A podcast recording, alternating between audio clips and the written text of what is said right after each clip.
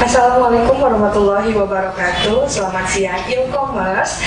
Uh, seperti yang kita tahu bahwa hari ini uh, dampak dari pandemi COVID-19 ini sangat meluas dari berbagai sektor. Nah, uh, terutama uh, pendidikan, kemudian ekonomi dan uh, sektor lainnya juga yang terdampak adalah jurnalisme. Nah, kenapa jurnalisme juga terdampak? Uh, seperti yang uh, perusahaan media gitu ya. Ada beberapa um, media yang mungkin terdampak juga. Nah, kenapa bisa terdampak? Hari ini uh, kita akan bahas satu buku yang ditulis oleh empat penulis dari berbagai universitas, gitu ya. Uh, judulnya adalah Jurnalisme di Masa COVID-19: Dinamika Informasi hingga Guncangan Perusahaan Media. Nah, isinya apa saja? Nanti saya akan perkenalkan. Di studio sudah hadir ada dua orang pembicara. Kemudian uh, kita juga ada pembicara melalui Google Meeting. Dan saya sapa dulu Pak Cem Wahab. Halo. Assalamualaikum. Nah, Waalaikumsalam Pak. Oke, saya perkenalkan dulu Pak Cem Wahab ini ada adalah uh, dosen ya Pak ya, dan beliau adalah sekretaris jurusan ilmu komunikasi dan juga menulis tentang uh, jurnalisme COVID-19. Kemudian di studio juga telah hadir ada uh, Pak Roni, Pak Roni Tabroni. Pak Roni ini beliau juga dosen, kemudian beliau juga seorang penulis, uh, udah berapa 20 uh, 20 lebih bukunya. Kemudian ada juga di studio saya perkenalkan ada juga Pak Adi. Pak Adi juga uh, dosen, uh, dosen Universitas Sangga Buana. Kemudian Pak Adi ini sebagai uh, di LPPM ya Pak sebagai kabak kabak penelitian LPPM. Oke. Okay. Nah, uh, untuk mempersingkat waktu karena mas, uh, banyak uh, yang penasaran pastinya dengan isi buku ini dan sebetulnya idenya awalnya dari siapa atau uh, apa namanya kenapa mau menulis tentang jurnalisme di COVID-19 ini dan apa dampak yang paling terasa di jurnalisme saya langsung aja uh, persilahkan ke Pak Encep Abdul Wahab silakan.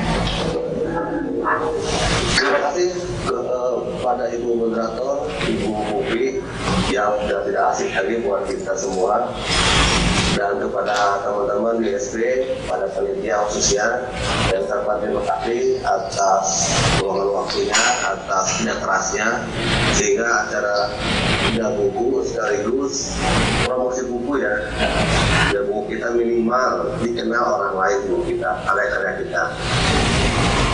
Mohon maaf tergabung dengan SP karena kondisi COVID. Jadi ini biar benar bahwa COVID itu ada gitu dan kepada Pak Roni khususnya karena beliaulah inisiator sesungguhnya begini. Saya sebetulnya tidak tahu menahu uh, beberapa bulan yang lalu Pak Roni bincang-bincang kecil dengan saya. Yuk kita bikin tour tentang jurnalisme di masa COVID-19 jadi sebetulnya ini buku ini sisi lain uh, bahwa kita apa namanya ya? Mungkin mendapatkan ide di tengah penderitaan orang lain. Jadi ada semacam trigger ketika ada pandemi tiba-tiba kita dapat ide. Tapi itu bagus juga sebetulnya. Ide itu berangkat dari ide itu kita bisa memberikan sesuatu yang bagus sesuatu yang bermanfaat untuk orang lain. Terlebih-lebih untuk media massa. Karena bagaimanapun juga media massa ini merupakan media yang berpengaruh terhadap awal mula munculnya pandemi sampai tersebar luas sampai saat ini orang sudah mulai bosan ya mendengar pandemi. Awal-awal mula kan kita bulan Januari Februari orang nggak yakin apakah benar ada pandemi. Kemudian orang mulai yakin ada pandemi sehingga orang fobia. Ya keluar dan takut ketika melihat berita atau mendengar berita. Dan sekarang orang semakin ragu dengan pemberitaan bahwa ada ada apakah ada pandemi itu. Sehingga orang sudah mulai mengabaikan berita-berita yang ada. Jadi itu yang mungkin uh, awal mula lahirnya buku ini. Jadi saya sangat terima kasih pada Pak Roni yang sudah mengajak kita-kita untuk gabung, untuk berbagi ide, berbagi pengalaman tentang jurnalisme di masa COVID-19. Sebetulnya saya pribadi mungkin ada mungkin ada tulisan-tulisan kecil yang, yang paling paling banyak mungkin kalau ini. Saya, saya ketika Kapolri menawarkan itu kepikiran juga. Sebetulnya ada beberapa hal yang yang mesti dilakukan oleh media beberapa tahun yang lalu itu sudah ada yang namanya komunikasi krisis. Dan itu sudah banyak dipakai di beberapa negara termasuk di Indonesia. Tahun 1920-an itu sudah ada uh, pandemi. Yang orang bilang katanya pandemi Spanyol dan itu pemerintah sudah melakukan komunikasi krisis namun untuk jurnalisme sendiri itu belum sampai melakukan jurnalisme krisis padahal kalau kita lihat beberapa perkembangan sejarah jurnalisme ini begitu banyak terjadi di beberapa negara. Apalagi saat ini hampir 200 negara itu terdampak dari pandemi COVID-19. Tapi tidak muncul atau tidak keluar pakem-pakem atau uh, apa ya strategi-strategi dalam liputan krisis dalam pandemi. Nah, saya keidean ketika Paroni, Paroni mengajak membuat itu berbagi pengalaman, berbagi pemahaman, dan berbagi ide tentang bagaimana caranya kita memperkenalkan jurnalisme krisis. Saya ada beberapa tulisan saya di antaranya membahas hal itu. Nah, kenapa saya me, apa yang mengajukan jurnalisme krisis? Saya melihat, saya melihat sebelum pandemi sebetulnya media kita ini sudah betul-betul krisis ya. Sudah banyak cetak yang merugikan, bahkan prediksi media cetak ini akan ditinggalkan oleh umatnya. Tapi nyata-nyatanya masih ada beberapa pembaca setianya. Kemudian media televisi yang sudah mulai kelimpungan juga dan online meskipun sampai sekarang online masih eksis tapi tetap juga dia terdampak pandemik. Nah itu krisis ya krisis dalam hal finansial sehingga ketika media tidak memiliki finansial tidak mendapatkan iklan dan efeknya dampaknya media tidak bisa melakukan uh, kinerja dengan baik. Begitupun wartawan, begitu terasa dampaknya. Wartawan-wartawan banyak yang dia mangkal redaksi bahkan ada beberapa wartawan yang diam di rumah karena dia takut juga ketika ke lapangan ketika uh, apa hunting berita banyak ketemu orang bahkan dia takut terkena dampak apa terkena penyebaran COVID-19 ini.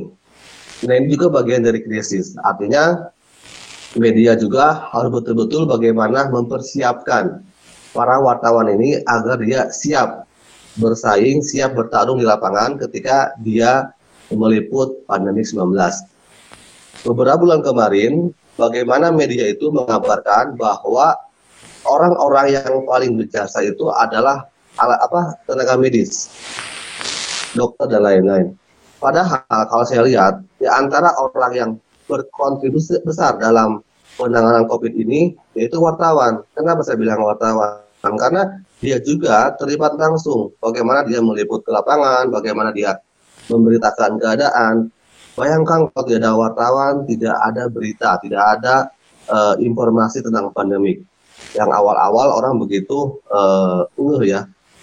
Awalnya kan orang masyarakat nggak tahu, tidak tidak tidak merasa ada pandemik, tapi berkat wartawan itu masyarakat mulai ngeh. Tapi ujung-ujungnya terlalu over ya yang terlalu nge sehingga takut terhadap pandemi. Nah ini ini krisis juga krisis uh, bagaimana media menghadapi krisis. Kemudian krisis berikutnya tentang kepercayaan dari masyarakat. Nah, jadi media itu ada tiga krisis ya, krisis keuangan, krisis pemberitaan, dan krisis kepercayaan masyarakat. Kemarin ketika diskusi dengan Pak Idi Subandi, dia memberikan sebuah kontribusi besar dalam dalam kinerja media dengan buku terbarunya hasil penelitian dari disertasi dia tentang jurnalisme kemiskinan. Nah itu artinya bagaimana media itu berkontribusi besar dalam memberitakan tentang kemiskinan. Ada beberapa perspektif, ada beberapa pendekatan agar pemberitaan kemiskinan itu tidak monoton, tidak itu-itu saja. Benar, eh, efek dari pandemik banyak pengangguran baru, banyak orang-orang miskin baru. Tapi media tidak hanya sebatas memberitakan jumlah peningkatan kemiskinan. Artinya ada korban kemiskinan dari pandemik. Nah itu bagaimana efeknya, bagaimana pemberitaannya. Itu bagus. Kemarin ketika diskusi seperti itu. Yang kemudian uh, krisis lainnya selain jumlah kemiskinan tadi, bagaimana media itu meningkatkan kepercayaan publik. Saya merasa awal-awal kalau dibagi-bagi itu media berhasil memberitakan bagaimana pandemik ini begitu dahsyat, begitu eh, apa penyakit yang yang mematikan dan orang begitu yakin, orang begitu fobia keluar rumah, melakukan aktivitas. Tapi ujung-ujungnya karena mungkin tidak ada pengelolaan yang baik atau karena mungkin banyaknya berita yang dari humas atau sering kali ada semacam konferensi pers tapi orang mulai tidak percaya akhirnya. Dan efeknya masyarakat mulai tidak percaya pada media. Itu bahayanya lagi. Nah itu menjadi krisis juga. Krisis bagaimana media mengembalikan kepercayaan publik pada media. Saat ini orang kalau kita survei ke masyarakat, orang uh, uh, mulai berkurang percaya pada media.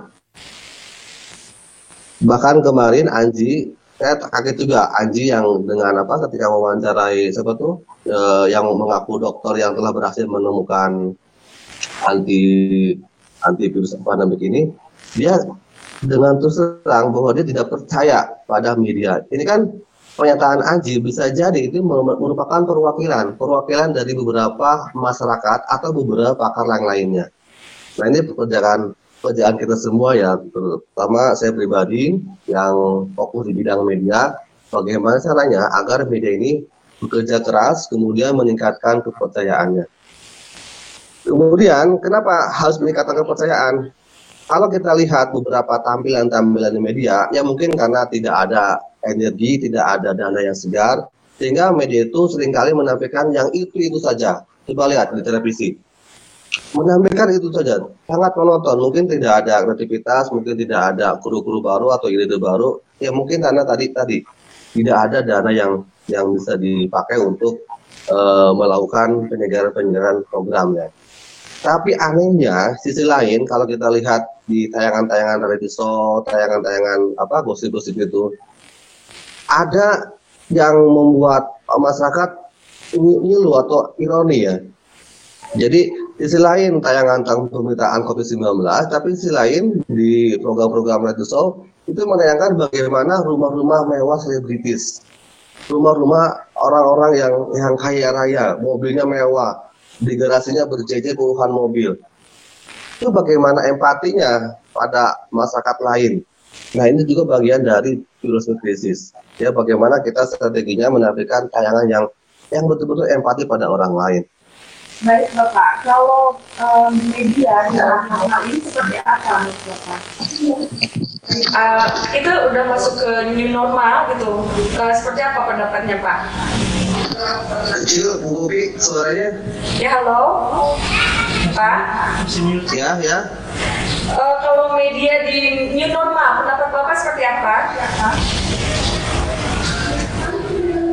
saat ini mulai ada geliat ya media-media ini uh, sudah mulai memberitakan hal-hal sifatnya membantu masyarakat bagaimana hidup di era new normal.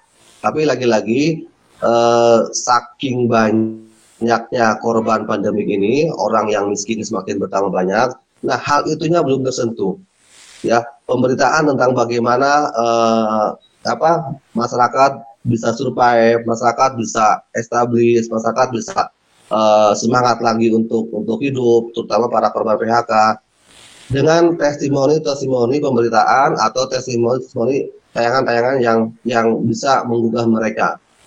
Kemarin uh, di UIN Bandung ini ada penghargaan untuk untuk Gubernur Jawa Timur yang ternyata selain strategi-strategi penanganan COVID yang yang SOP-nya standar, SOP-nya umum, tapi di Jawa Timur itu ada penanganan COVID yang yang kembali pada bagaimana meningkatkan nilai-nilai spiritualitas dalam peningkatan atau e, pemberantasan COVID-19. Nah, hal-hal seperti itu media harus berperan serta berkontribusi bagaimana agar masyarakat penonton membaca itu memiliki spirit lagi, bangga lagi, semangat lagi. Jangan sampai mereka terus-terusan uh, ditumbuk dengan pemberitaan yang membuat mereka lelah, membuat mereka seperti yang putus harapan gitu. Seolah-olah pandemi ini menjadi akhir segalanya. Dalam sebuah kajian apa ilmu komunikasi khususnya ilmu jurnalistik itu kan ada teori kultivasi. Nah, bagaimana media ini memerankan kultivasinya, menumbuhkan terus-terusan berbagai informasi yang positif tentang apa semangat bangkit dari COVID-19 ini agar masyarakat semangat lagi. Itu media perannya. Jadi lebih ya, banyak di konten-konten yang memang itu lebih menyemangati gitu ya. Iya, iya. Oke, okay, baik. Terima kasih, Terima kasih Bapak. Bapak. Uh, saya beralih dulu ke Pak Adi. Nah, Pak Adi uh, dari dari buku ini gimana Pak? Okay. Nulis apa aja? Baik, uh, uh, terima kasih uh, uh, Bu Pupi, uh, di moderator sekaligus uh, Ketua Prodi ya, yang memfasilitasi kegiatan ini uh, untuk melakukan uh, bupas, ya, bupas atau bedah buku ya. Nah, uh, saya mulai dari uh, cerita buku ini ya. Jadi uh, ketika kita menghadapi uh, virus corona ya pada bulan Maret uh, sekitar lima bulan yang lalu, kemudian uh, tidak lama kemudian uh, virus corona ini ditetapkan sebagai pandemi. Artinya dia bersifat global. Uh, juga dia dampaknya luas, tidak hanya kepada kesehatan, terdapat aspek-aspek yang lain, baik itu sosial, ekonomi, politik, budaya, bahkan termasuk juga uh, media massa. Nah, uh, pandemi ini ya uh, muncul ketika uh, kita memasuki apa yang disebut dengan era uh, disrupsi ya atau revolusi industri 4.0. Orang berpikir uh, uh, gimana sih uh, kenyataannya sesungguhnya tentang uh, disrupsi ini gitu ya. Jadi katanya disrupsi ini merubah banyak hal, merubah hal-hal uh, yang tadinya sudah uh, apa status quo ya, yang kemudian menurut uh, apa, pengamat itu disrupsi akan membuat perubahan yang uh, fundamental. Nah, ketika kita sedang uh, memikirkan itu, ternyata uh, virus corona ini muncul dan pada saat yang bersamaan kita baru merasakan bahwa oh, inilah sebenarnya uh, dampak dari atau efek daripada era disrupsi. Jadi banyak sekali perubahan yang terjadi. Ya, nah termasuk di dunia media massa. Nah, memang uh, sudah uh, beberapa waktu yang lalu itu banyak sekali sudah mengatakan bahwa uh, jurnalisme ini adalah salah satu bidang yang akan terkena dampak daripada disrupsi atau lebih jelas lagi itu artificial intelligence. Jadi beberapa waktu yang lalu pernah saya diskusi di, di sini juga itu tentang sekian profesi yang akan uh, apa namanya diganti oleh robot. Nah, salah satunya adalah jurnalis, jurnalistik atau jurnalisme. Nah, jadi itu uh, apa hal semacam itu akan muncul gitu ya. Hal-hal itu muncul. Nah, uh, pertanyaannya kemudian adalah uh, bagaimana para uh, praktisi jurnalistik ini, jurnalisme ini uh, menyikapi perubahan itu. Nah, uh, ada dua kutub lah ya. Dua dua pendekatan. Yang pertama ada pendekatan pesimis ya bahwa mereka mengatakan bahwa ya, ya mungkin besar nanti media massa ini akan digantikan oleh uh, apa yang lain ya. Entah itu media sosial atau yang sekarang lagi ngetrend itu dari YouTube ya ya youtuber ya. Jadi sehingga orang uh, apa tidak lagi menonton menonton mendengar membaca media tapi uh, langsung ke YouTube. Nah ada juga pandangan optimis optimisme gitu ya. Paham optimis itu bahwa uh, oh meskipun uh, teknologi maju media jurnalistik tetap dibutuhkan.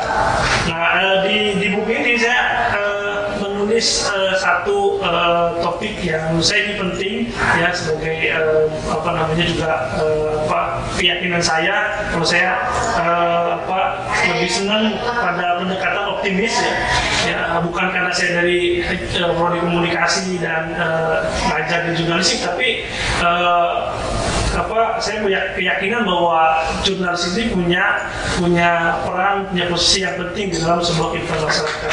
Yang mulai dari tentang media cetak ya. Jadi media cetak ini kan banyak sekali diperkirakan diprediksi oleh banyak orang, banyak kalangan itu akan mati ya.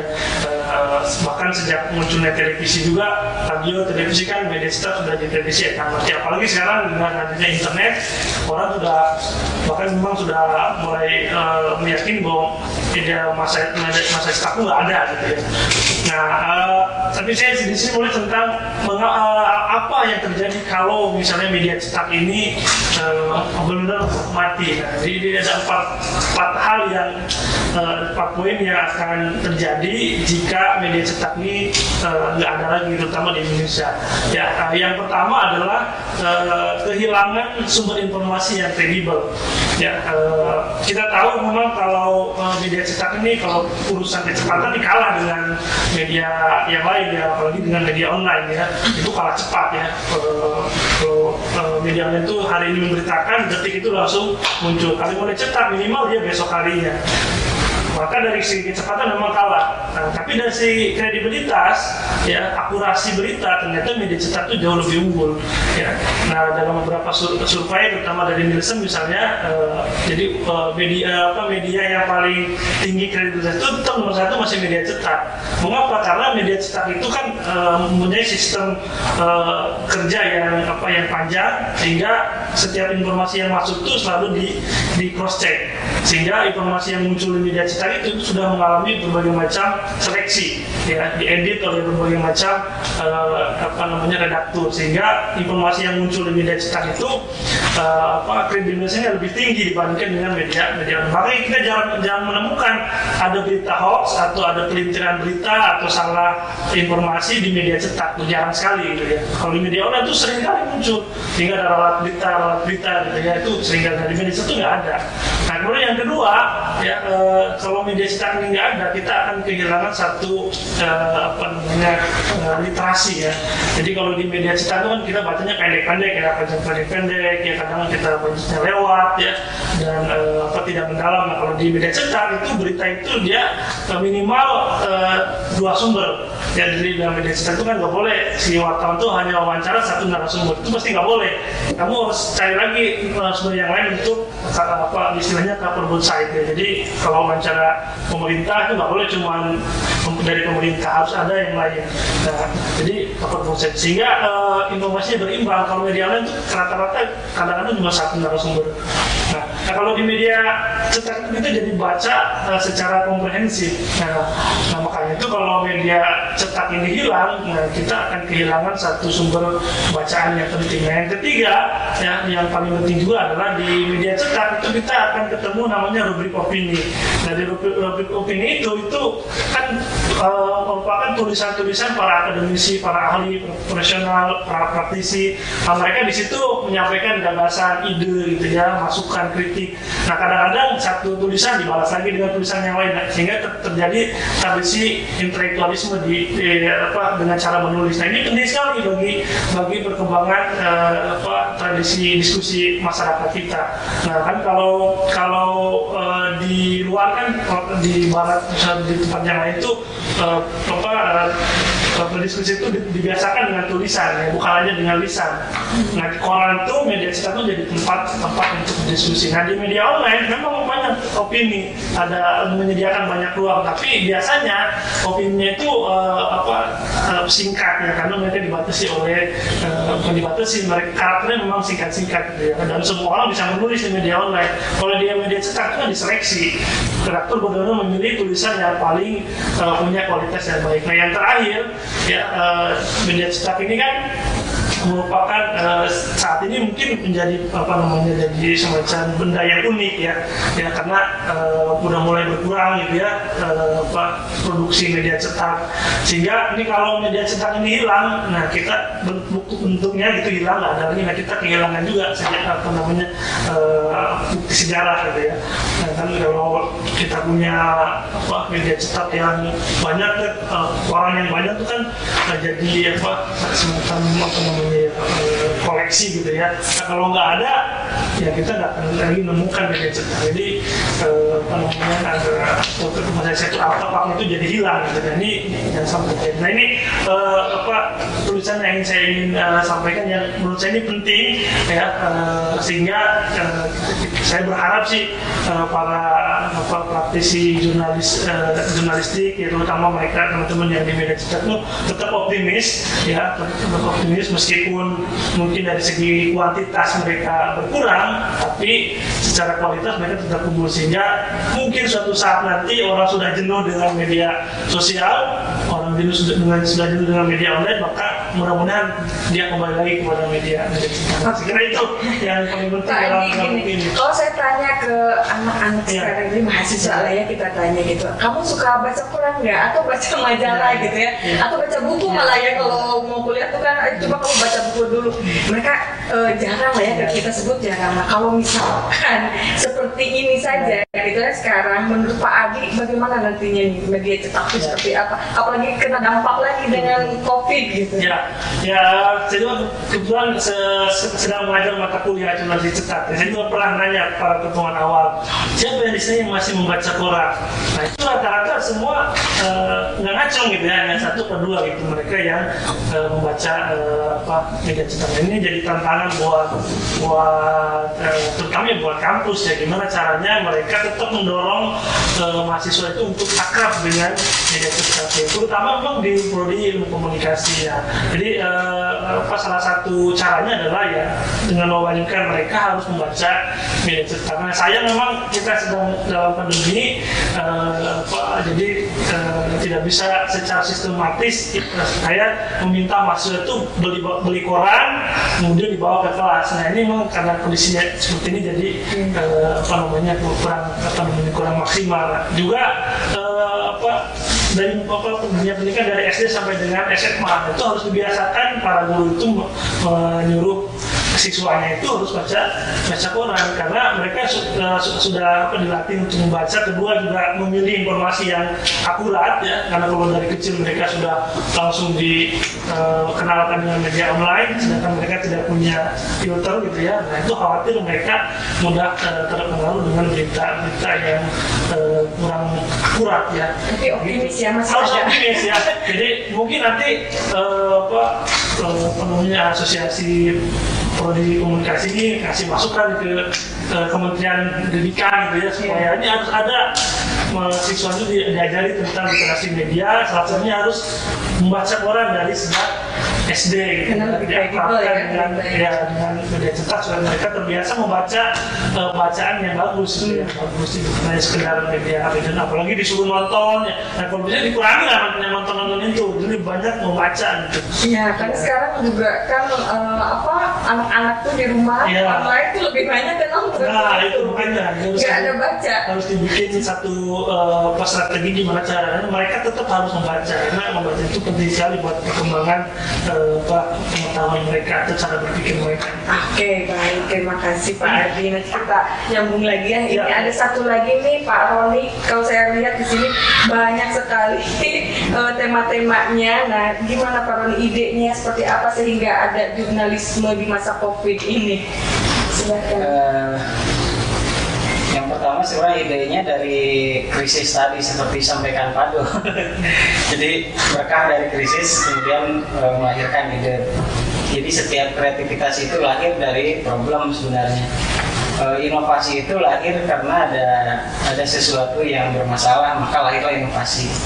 Eh, ini juga buku itu lahir karena ada problem ya. Tapi bukan berarti kita apa berterima kasih kepada pandemi bukan tapi bahwa di tengah pandemi kita harus melakukan sesuatu gitu ya. E, ketika media mengalami masalah e, kita sebagai akademisi khususnya di dunia komunikasi harus memberikan e, alternatif gagasan gitu ya. Itu sebagai bentuk kepedulian kita terhadap dunia media gitu ya. Kalau saya lihat kan dari awal Eh, dari sejak pandemi ini hadir di Indonesia eh, kemudian sampai hari ini saya lihat ini dunia media tidak keluar dari lima hal ini. Yang pertama eh, ada peradaban informasi ya. Kemudian ada tentang media sosial. Yang ketiga ini kaitan dengan media masanya sendiri industri media sebagai industrinya. Yang keempat kaitan dengan jurnalisnya dan kelima kaitan dengan konten. Ya konten media itu. Nah eh, sejak awal eh, saya ngajar di mahasiswa itu eh, ketika awal pandemi hadir di bulan Maret itu eh, kemudian ngobrol dengan banyak pihak ter- termasuk webinar di awal-awal itu itu selalu mengatakan bahwa eh, mengakses berita gitu ya. Eh, membaca berita eh, itu membuat mereka resah gitu ya. Semakin panik gitu ya. Eh, tidak tidak menjadi tenang gitu ya. Eh, harusnya kan mereka eh, baca berita itu menjadi menjadi tenang gitu ya, menjadi tahu sesuatu yang tidak tahu. Eh, kemudian peradaban informasi menjadi hiruk pikuk menjadi tidak jelas juga karena banyak eh, problem yang di yang disampaikan kaitan dengan informasi kebijakan publik itu tidak terbuka, tidak jujur katanya. Dari uh, webinar pertama yang dilakukan yang saya ikuti uh, Komisi Informasi uh, yang pertama kali dilakukan adalah mengkaji tentang keterbukaan informasi yang dilakukan oleh pemerintah. Ternyata eh, banyak suara yang menyampaikan bahwa eh, ini eh, suara pemerintah tidak jelas, tidak jujur, tidak tulus dan lain sebagainya. Sehingga eh, apa yang terjadi di masyarakat adalah ketidakpastian, kecemasan gitu ya. Bahkan eh, lebih lanjut bisa jadi frustasi gitu ya. Himbauan-himbauan sangat eh, banyak tetapi informasi tidak akurat. Ini menjadi problem. Bahkan ada ahli statistik yang menyatakan eh, kapan berakhirnya COVID di Indonesia ini tidak bisa diprediksi. Kenapa? Karena informasinya nggak tulus, tidak jujur, tidak terbuka. Oleh karena itu, kenapa beberapa perguruan tinggi di Indonesia, ITB, UI, IPB, eh, prediksinya macam-macam. Oh nggak sama. Kenapa? Kenapa mesti beda? Harusnya kan sama dan perbedaannya sangat sangat jomplang. Kalau satu bulan dua bulan nggak apa-apa. Ini bisa sampai tiga bulan, sampai enam bulan. Kenapa? Nah ada suara yang dari itu karena memang katanya ya, informasinya nggak jelas terus kalau misalnya mau kalau ahli statistik menyampaikan prediksi itu mesti berdasar pada eh, informasi yang akurat gitu ya. Nah itu yang menjadi gonjang ganjing sejak awal. Nah kemudian eh, kemudian masyarakat mencari informasi eh, karena mereka sedang panik, maka mencari informasi kepada media sosial. Yang posisi media sosial kita sudah paham semua bahwa di situ tingkat akurasinya sangat dipertanyakan, kemudian di situ banyak mungkin kepentingan kepentingan pihak tertentu, bahkan mungkin di situ juga ada advisor, di situ ada macam-macam lah gitu ya. Jadi tadi yang disampaikan Pak Adi itu memang dunia media sosial seperti yang kita pahami bersama di tengah kecemasan orang mencari informasi di media sosial yang kita temukan bukan solusi tapi justru menambah lagi permasalahan. Akhirnya mereka harus lari kepada sesuatu yang lebih dipercaya. Apa media? Massa media massa ketika dia dikejar oleh masyarakat mereka juga mengalami persoalan. Kenapa? Karena yang pertama media cetak mengalami penurunan penurunan pembaca tadi sampaikan pagi radio juga mengalami penurunan pendengar. Televisi tidak mengalami peningkatan penonton gitu ya. Ada yang meningkat sedikit TVRI tapi itu juga hanya pada waktu-waktu tertentu ketika anak belajar jadi bukan pada konteks informasi tentang pandemi gitu ya.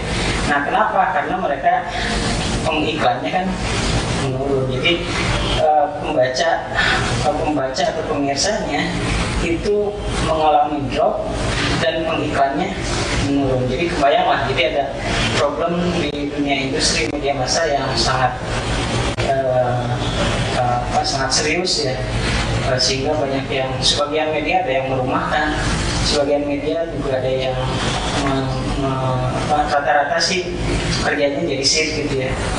Tapi banyak juga yang gajinya di apa dicicil ke wartawan itu. Dan menurut saya ini sangat sangat mengerikan. Kemudian yang ketiga eh, yang keempat kan dengan jurnalis. Eh, tadi ada ada tuntutan yang sangat serius dari pihak publik bahwa media massa itu akan menjadi alternatif informasi karena dia sudah tidak percaya dengan konten media sosial yang pada itu. Tetapi ini kebayang nggak?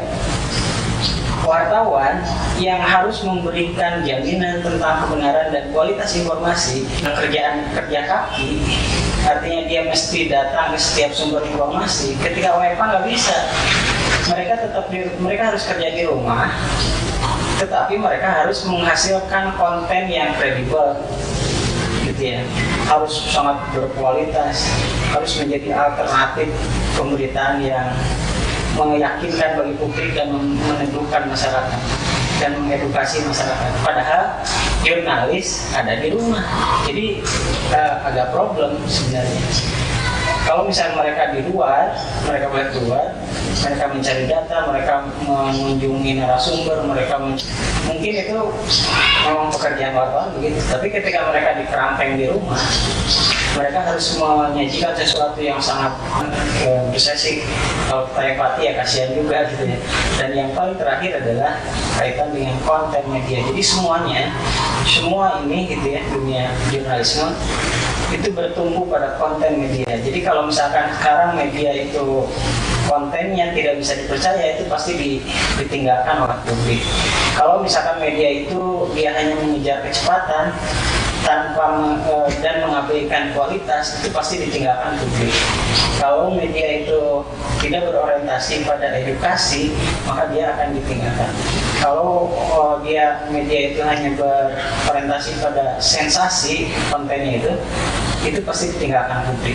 Oleh karena itu, saya kira mungkin ini adalah uh, hal terakhir juga yang uh, saya wanti-wanti pada rekan-rekan uh, semua praktisi media uh, untuk selalu menjaga kualitas konten media semaksimal yang bisa dilakukan uh, untuk menjaga kepercayaan publik terhadap publik terhadap media dan menjaga uh, peradaban jurnalisme khususnya yang ada di Indonesia supaya mereka tetap menjadi uh, tulang punggung informasi bagi publik dan pembangunan di Indonesia Oke, menarik tadi dari segi uh, media ini. Kalau misalkan dari halayak nih kita mungkin uh, penontonnya gitu ya dari halayaknya. Nah, uh, cara cerdas untuk memilih informasi yang ini yang baik dan ini yang uh, ber, ber, betul gitu ya informasi gimana nih cara-caranya? Ya sebenarnya itu uh, literasi media memang tidak bisa instan. Kan sebenarnya memang gini, uh, pandemi ini memaksa orang ya, memaksa orang tiba-tiba karena dia memaksa maka paksaan itu kan biasanya tiba-tiba. Tiba-tiba harus tinggal di rumah tiba-tiba harus dia uh, setiap orang harus akrab dengan teknologi tiba-tiba setiap orang pas semuanya serba tiba-tiba. Termasuk dalam konteks pertanyaannya tadi tiba-tiba masyarakat harus menjadi cerdas bermedia kebayang Betul. jadi uh, tiba-tiba saya harus bisa memilah yang baik dan yang tidak baik di konten media uh, masih mending misalkan anak-anak uh, larinya ke Naruto misalkan. Atau ke Filipina gitu. Ya. Karena dia jenuh di rumah udah nonton itu tapi kalau misalkan mereka sudah masuk pada wilayah konten uh, news dan ternyata beritanya itu tidak benar itu menjadi problem menurut saya. Nah oleh karena itu uh, yang dua sebenarnya yang bisa dilakukan oleh publik kaitan dengan konten media. Yang pertama uh, media literasi itu harus dimiliki oleh setiap keluarga. Hmm. Mereka yang tahu dalam setiap keluarga dia harus memberitahu, mengedukasi setiap anggota keluarga yang lain. Hmm. Mana yang baik, mana yang tidak baik, mana yang layak ditonton, mana yang tidak layak dibaca dan yang tidak. Yang kedua, ada cara yang ekstrim bahwa uh, literasi media itu dengan cara memberikan konten sebanyak-banyaknya kepada publik eh uh, publik boleh mengakses sebanyak-banyaknya informasi dari mana pun, baik dari cetak, dari online, dari medsos, dari TV, dari radio mana pun. Supaya apa? Supaya ini uh, kerja otak manusia itu bisa berjalan. Jadi ketika misalkan ada satu objek, satu berita ini diberitakan oleh cetak online bahkan ada di media sosial ada di TV di mana pun baca semua tonton semua dengarkan semuanya terus mana yang benar nanti kerja otaknya yang akan menentukan mana yang benar sendiri yang gitu ya. Betul, jadi bahwa cara kerja otak manusia yang sehat itu pasti bisa membedakan akhirnya mana yang benar dan mana yang tidak. Hmm. Jadi ini kalau dalam pendidikan ini pola pendidikan terbuka, semua kontennya kasihkan, Hmm. nanti dia akan menseleksi sendiri, gitu ya. Walaupun ada resiko apa? Resikonya yang tadi kalau tingkat tingkat intelijensinya atau tingkat literasinya rendah, maka dia tidak bisa membedakan. Akhirnya dia pusing. Nah, banyak masyarakat yang stres stres itu karena banyak konten yang masuk kepala dia, dia tidak bisa menseleksi.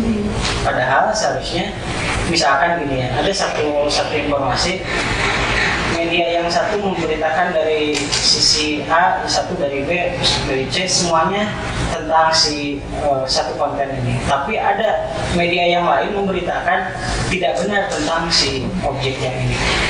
Apakah si media yang lain itu yang mengatakan tidak benar itu tidak boleh dibaca? Kalau menurut saya dalam pemerintah dalam edukasi seperti ini baca aja supaya kita kita tidak tahu eh, supaya kita jadi tahu bahwa ada media yang dia kerjaannya membuat kebohongan Oh. gitu jadi jadi ini nanti dia akan menseleksi sendiri mana berita yang benar yang tidak dan supaya nanti dia juga bisa membedakan mana media yang kredibel dan mana media yang tidak kredibel. Gitu. jadi terbuka kalau pola itu. Oke, banyak sekali nih di sini pembahasannya. Sebetulnya eh, apa namanya eh, banyak ide-ide dari Maroni ini yang belum terkupas semuanya gitu. Jadi da- daripada penasaran nih bukunya, ya, harga harganya bisa dibocorkan ya. Harganya nanti ada di kontaknya Pak Rudi di sini gitu ya. Oke, eh, ini ada yang bertanya juga. Nanti kalau yang eh, yang lainnya mau bertanya boleh di eh, chat YouTube kita gitu ya. Dan ini ada satu pertanyaan dari Sylvia.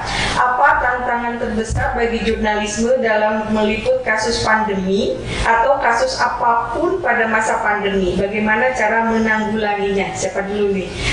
Pak Dul dulu Pak Dul. Pak Dul, halo. Pak Jabdul Wahab masih bergabung Siap. dengan kita? Ya. Ya. Ada pertanyaan Pak. Apa tantangan terbesar bagi jurnalisme dalam meliput kasus pandemi atau kasus apa pun pada masa pandemi? Bagaimana cara menanggulanginya?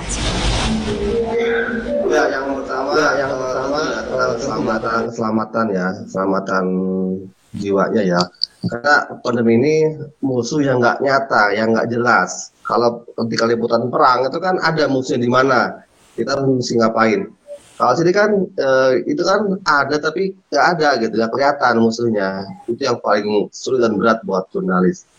Oleh karena itu, kenapa saya meng- meng- mengusulkan ya dalam buku ini, dalam episode ini, saya mengusulkan pentingnya ada jurnalisme krisis yang itu menjadi panduan pedoman jurnalis ketika meliput sebuah krisis. Nanti ke depannya mungkin 10 tahun yang akan datang, mungkin 20 tahun yang akan datang, itu akan tidak menutup kemungkinan ya muncul pandemi-pandemi berikutnya karena eh, saat ini bumi sudah sakit ya. Jadi kalau sudah ada panduan ini, itu enak untuk wartawan. Ketika liputan apa pun di tentang pandemi, dia sudah ada preventif dari awal. Dia sudah siap. Misalkan ke rumah sakit bagaimana SOP-nya, kemudian wawancara korban bagaimana SOP-nya. Nah, ini hal-hal seperti ini, ini sudah sudah harus sudah disiasati oleh wartawan. Eh, beberapa tahun belakang, mungkin tahun 70-an, itu ada peace journalism. Itu bagaimana wartawan itu meliput konflik, meliput perang. Nah, itu kan jelas SOP-nya. Sehingga wartawan ketika liputan ke lapangan, dia nggak riskan, dia nggak bingung. Meski ngeliput seperti apa, siapa narasumbernya, bagaimana pemberitaannya, itu jelas. Jadi untuk konflik kan eh, atau journalism ketika dia liputan ke lapangan, bahwa dalam pemberitaannya wartawan tidak boleh berpihak pada salah satu konflik. Dia betul-betul cover both side. Dia harus menghadirkan dua narasumber. Nah, bagaimana untuk liputan pandemik? Nah, itu saya kira belum. Belum ada panduan yang bisa mengcover hal itu. Saat ini, saya lihat wartawan yang liputan tentang pandemik ini, dia melihat eh, sekitarnya. Dia melihat SOP kesehatan yang ada. SOP yang dibuat oleh kesehatan. Betul itu bisa dipakai oleh semua semua masyarakat, tapi akan lebih bagus ya ada SOP liputan uh, pandemik untuk wartawan. Karena mereka kan harus berinteraksi dengan berbagai kalangan, dengan berbagai lapisan masyarakat. Bayangkan kalau wartawan liputan pandemik hanya by phone. Rasa beritanya, empati beritanya nggak keluar. Berbeda ketika dia liputan langsung ke warta apa ke korban, ke narasumber, dia ngobrol, dia lihat, itu akan lebih terasa beritanya tidak hanya untuk gaya bahasa feature, bahasa berita biasa pun akan kena akan keluar dan itu akan mempengaruhi membacanya. Bagaimana ketika kita semakin empati pada korban, termasuk bagaimana uh, wartawan uh, wawancara para dinas kesehatan. Uh, meskipun kemarin kita sempat lihat juga ya beberapa viral-viral uh, yang dilakukan oleh wat, apa tenaga kesehatan bahwasanya dia begitu paling menderita karena dia paling depan paling sering berinteraksi dengan korban. Padahal wartawan juga sering kali melakukan hal itu. Tapi lagi-lagi kita belum ada SOP-nya. Saya kira itu ya paling berat karena wartawan juga dia uh, orang pertama ya, orang pertama yang yang akan terdampak dari dari COVID-19 ini. Saya kira itu. Terima kasih Pak. Uh, silakan ke Pak Adi dulu atau Pak Roni. Pak Adi silakan. Oh, baik, uh, pertanyaan yang bagus ya tadi tentang uh, tantangan terbesar bagi uh, teman-teman wartawan uh, dalam meliput pandemi ini. Uh, tadi uh, yang pertama saja soal himbauan protokol kesehatan ya, yang tidak memungkinkan ya, si wartawan itu datang ke lokasi untuk meliput uh, yang terjadi di rumah sakit di apa tempat-tempat yang memang di situ uh, ada korban misalnya kan. Nah yang kedua yang paling penting ini adalah soal sumber ya. Nah, jadi uh, sumber itu bagi uh, wartawan itu kan apa namanya yang nyawa lah gitu ya. Jadi wartawan itu dapat informasi dari mana dari sumber.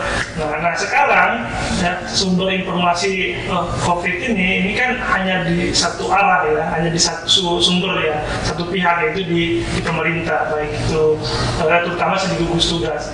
Nah uh, sehingga uh, apa, apa apa kebenaran informasi ini kan mesti di, ada pembandingnya. Hmm. Nah ketika kita bicara pembanding inilah kemudian wartawan ada kesulitan. Banyak sekali uh, apa yang mempertanyakan benar nggak informasi yang disampaikan oleh gugus tugas itu sesuai dengan yang di lapangan bisa jadi mungkin saja ternyata jumlahnya lebih banyak dibandingkan yang uh, disampaikan oleh gugus tugas. Nah, ini pernah disampaikan dalam satu webinar yang pernah saya ikuti.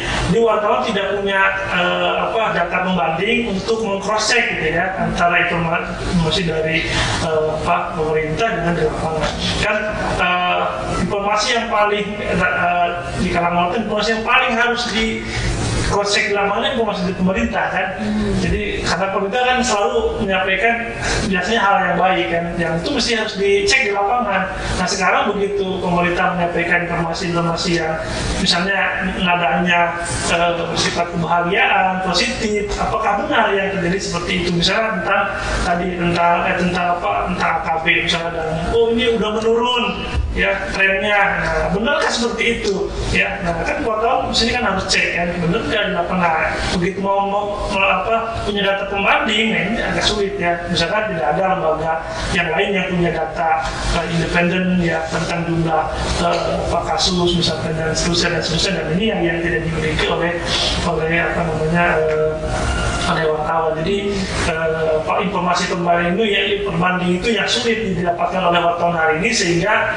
masyarakat tidak tidak bisa mendapatkan uh, apa second opinion ya. Tidak hanya uh, satu arah yang dari pemerintah yang uh, ya mungkin bisa jadi benar tapi juga mungkin juga bisa salah kan?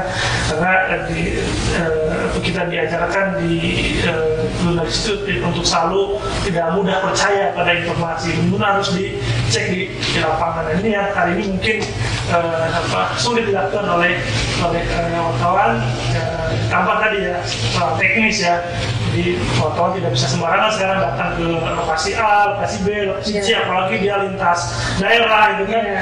Eh, kabupaten ini atau jangan kabupaten kecamatan, data kecamatan yang lain sulit ya. Dan di Nah, juga, ada- wartawan gitu. juga. apalagi misalkan kantornya sama sekali tidak membolehkan Iya. wartawannya eh, apa namanya untuk datang ke lokasi keluar rumahnya. Nah itu kan lebih sulit lagi ya karena eh, kalau hanya mengandalkan dari apa eh, apa handphone ya. Atau misalkan dari Google Meeting itu nggak cukup. Ya jadi wartawan itu kan bukan hanya sekedar mendengarkan informasi tapi dia harus melihat juga kan? Ya. harus melihat harus mera- merasakan yang eh, dia liput nah ini yang menjadi tantangan terbesar ya eh, apa, su- eh, apa tek- secara teknis sulit tapi dia harus menghasilkan informasi yang yang bagus Nah, ini ini saya yang yang menjadi tantangan eh, jurnalisme hari ini eh, di masa covid gitu ya Oke, terima kasih. Ya Pak sudah Eh, ini kalau saya sih tantangan terbesar eh, jurnalis adalah melawan keberanian dan ketakutan dia gitu ya. Jadi eh, gimana ya? Saya mungkin agak berbeda sedikit. Eh, Anda Sarsono dalam webinar pernah menyampaikan begini. Eh, lihat para tenaga medis di Amerika yang dia eh, juga lagi ngevlog tentang apa yang dia lakukan dia masuk ke ruang ICU dan macam-macam kayak gitu tapi eh, ya itu sebagaimana halnya media sosial orang hanya melihat bahwa oh, oh itu oh itu gitu tapi bedakan melihat katanya ketika seorang jurnalis CNN masuk ke ruang ICU ke ruang eh, apa eh, ke rumah sakit ke UGD dan macam-macam. Resikonya luar biasa sangat berisiko sekali. Tapi lihat kualitas kualitas kontennya itu tidak bisa mengalahkan tidak bisa dikalahkan oleh siapa pun. Resikonya apa?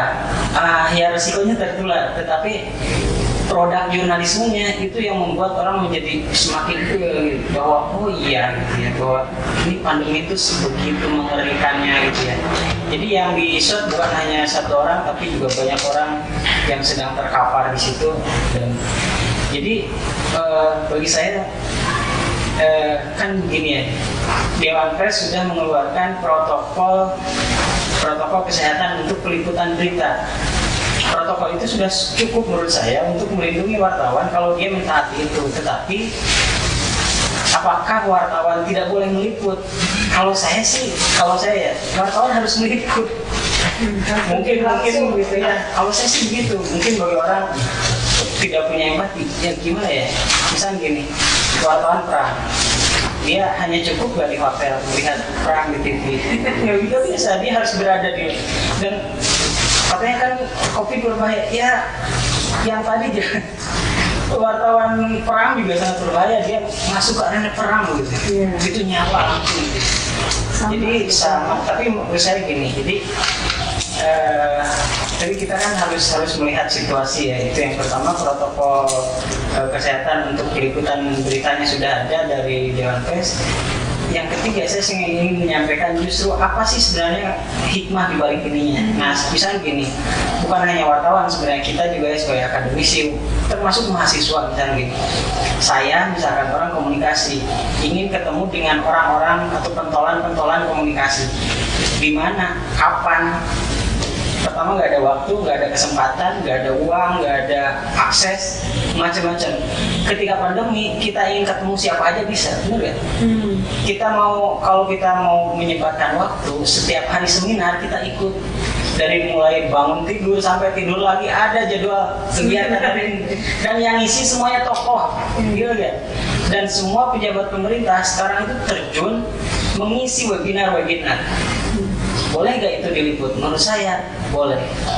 Jadi jurnalis hari ini sebenarnya bisa me- bisa mendapatkan konten yang jauh lebih hebat, jauh lebih banyak, dan narasumbernya jauh lebih kredibel bahkan coba kita perhatikan setiap webinar itu se sekualitas apa mereka bicara ya itu sangat hebat sekali Eh, dari sisi posisi dari sisi keilmuan dari sisi materi bahkan data-data yang sangat penting pun di webinar itu dibuka semuanya dan kita bisa minta ke panitia untuk di share dan semuanya sekarang tuh serba, serba transparan. Jadi dalam konteks ini sebenarnya dalam konteks uh, pandemi gitu ya wartawan dia bisa bisa hari ini uh, bisa overload bahkan kontennya itu bisa bisa banyak banget.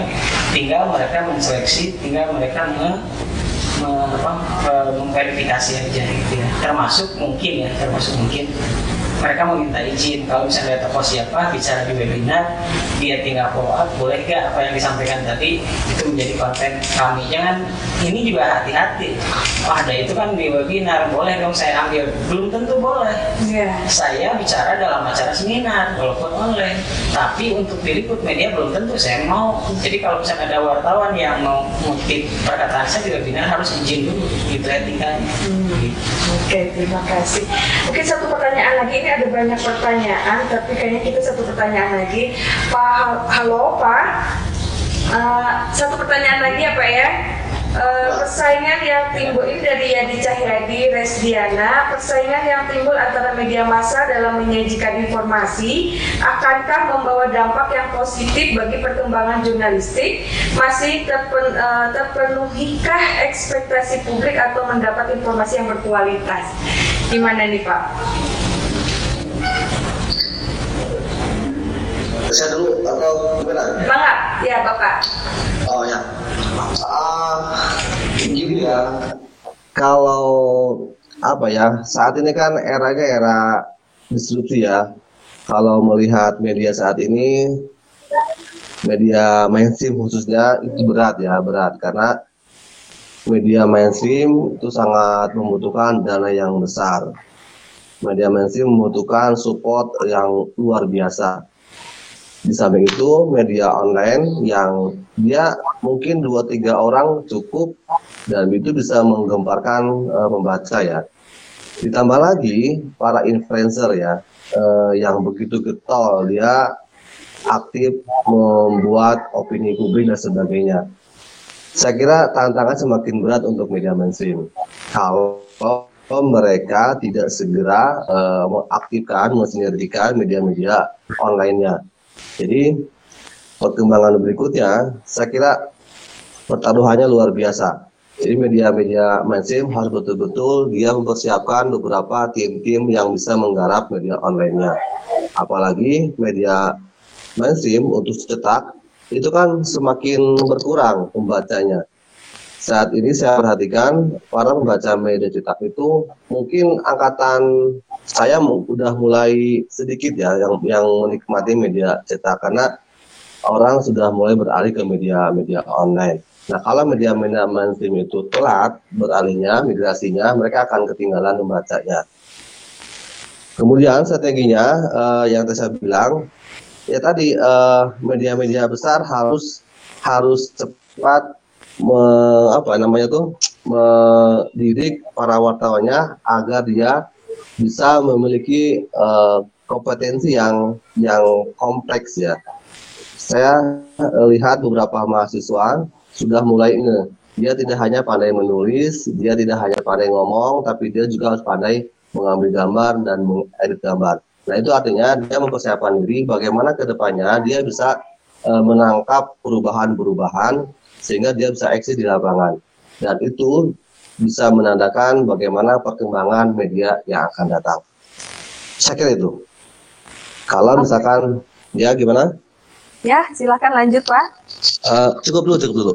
Oh oke, okay. ya baik. Silakan Pak Adi. Ada. Tentang persaingan ya. ya. Jadi uh, kalau kita sebut persaingan kan ada dua kan bisa dia negatif, dia juga bisa positif negatif. Kalau kemudian uh, persaingan itu dianggap uh, akan menghambat uh, sama dari sisi ekonomi gitu ya.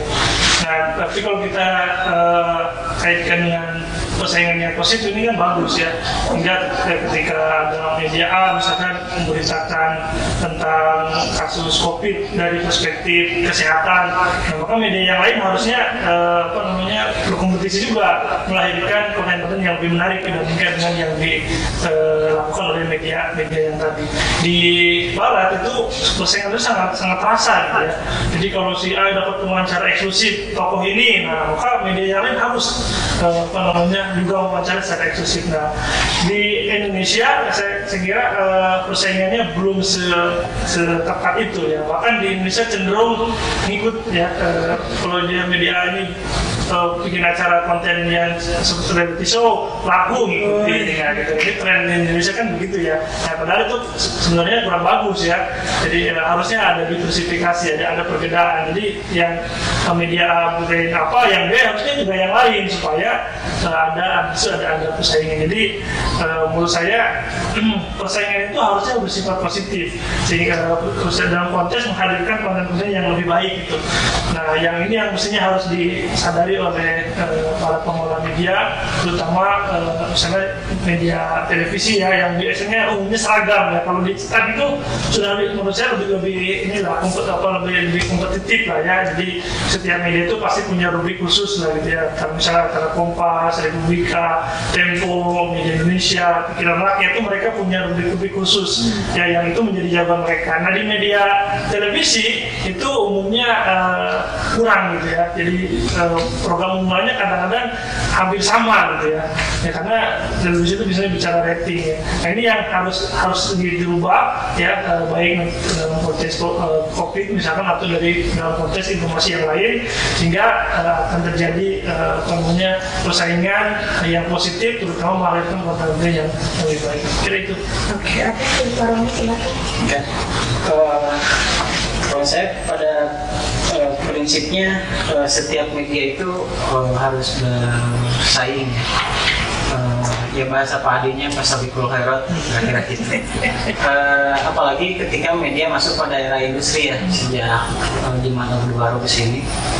Uh, mereka tuh bersaing sebenarnya walaupun tadi konteks kritisi kitanya mungkin saya bukan bersaing hanya dalam konteks konten ya. Uh, misalkan satu objek uh, setiap orang uh, ingin siapa yang paling cepat menyampaikan gitu ya. Uh, hari ini kan menurut saya zamannya tidak begitu. Jadi bukan siapa yang paling cepat atau siapa yang paling dramatis menyampaikan sebuah konten bukan. Tapi uh, persaingan dalam konteks industri uh, adalah bagaimana siapa siapa industri media mana yang dia bisa memberikan konten yang terbaik buat masyarakat uh, perusahaan media mana yang dia paling bisa bertahan di tengah krisis misalkan gitu ya. Jadi bukan bukan cepat-cepat gitu ya bukan uh, heboh-heboh bukan siapa yang paling dramatis bukan. Tetapi uh, bersaing dalam konteks positif memberikan sesuatu yang terbaik buat masyarakat. Sambil perusahaan media juga dia mencari model-model uh, bisnis gitu ya yang yang lebih lebih adaptif terhadap perubahan dan krisis karena hari ini uh, persaingan media itu bukan di konten lagi hari ini, tapi bersaing dalam mencari model bisnis sebenarnya.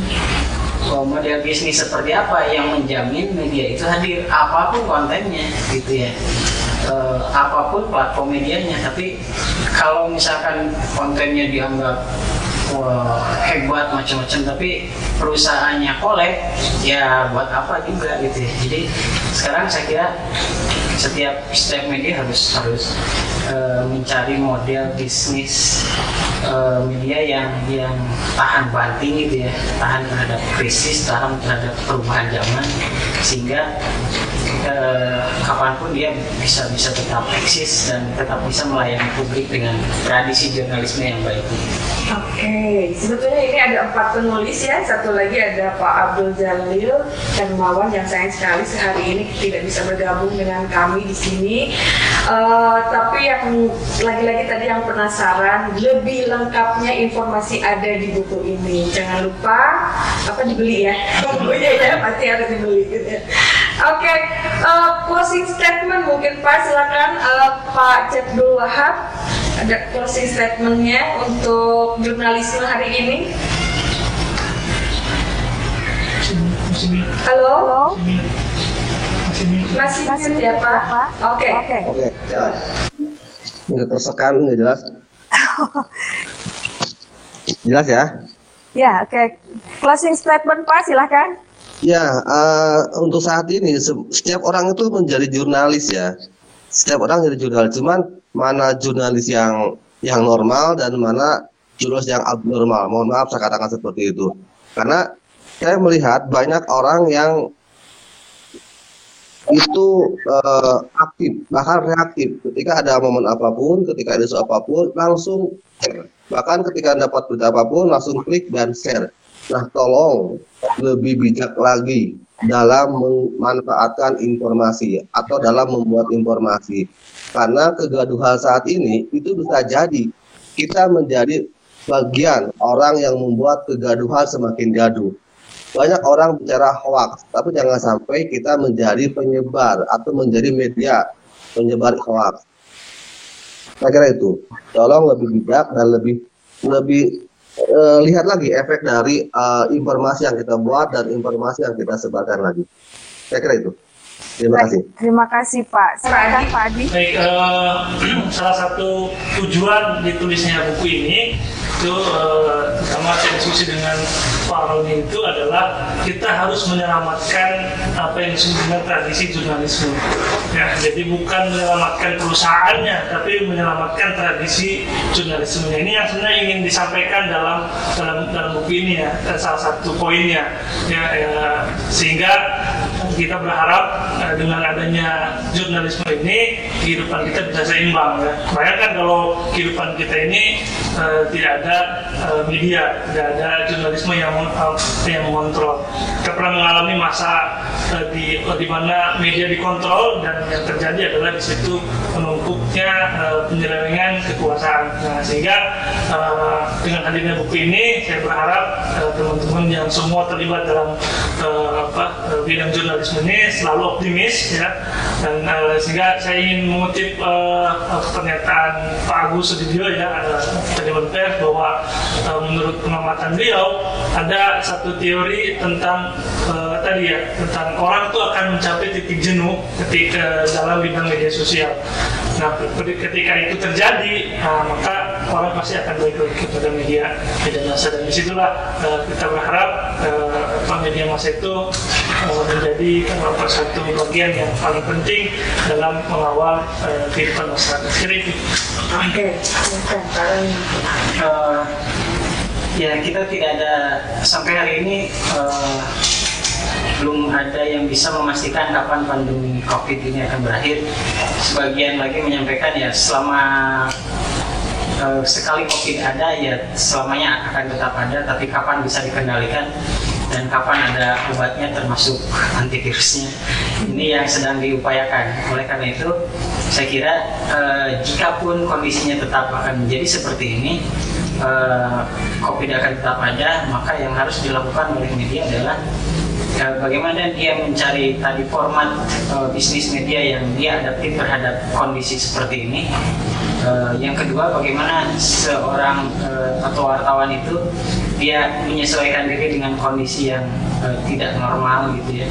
Uh, dan yang ketiga adalah bagaimana calon-calon uh, jurnalis itu mempersiapkan diri untuk menjadi jurnalis dalam situasi seperti ini. Oleh karena itu, yang diperlukan adalah sinergi sinergi antara uh, perusahaan media, kemudian pelakunya, kemudian perguruan tingginya uh, sebagai pemasok uh, calon-calon jurnalisnya, khususnya uh, para jurusan uh, komunikasi gitu ya.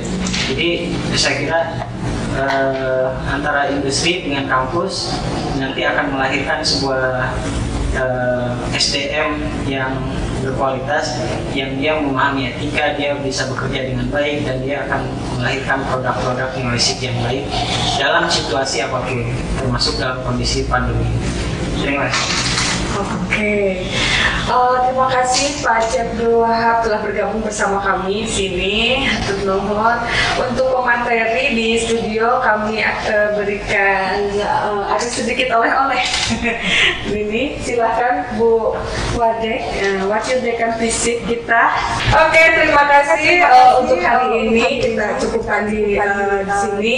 Jangan lupa nanti ada webinar-webinar uh, lainnya dari ilmu komunikasi Universitas Universitas Assalamualaikum warahmatullahi wabarakatuh.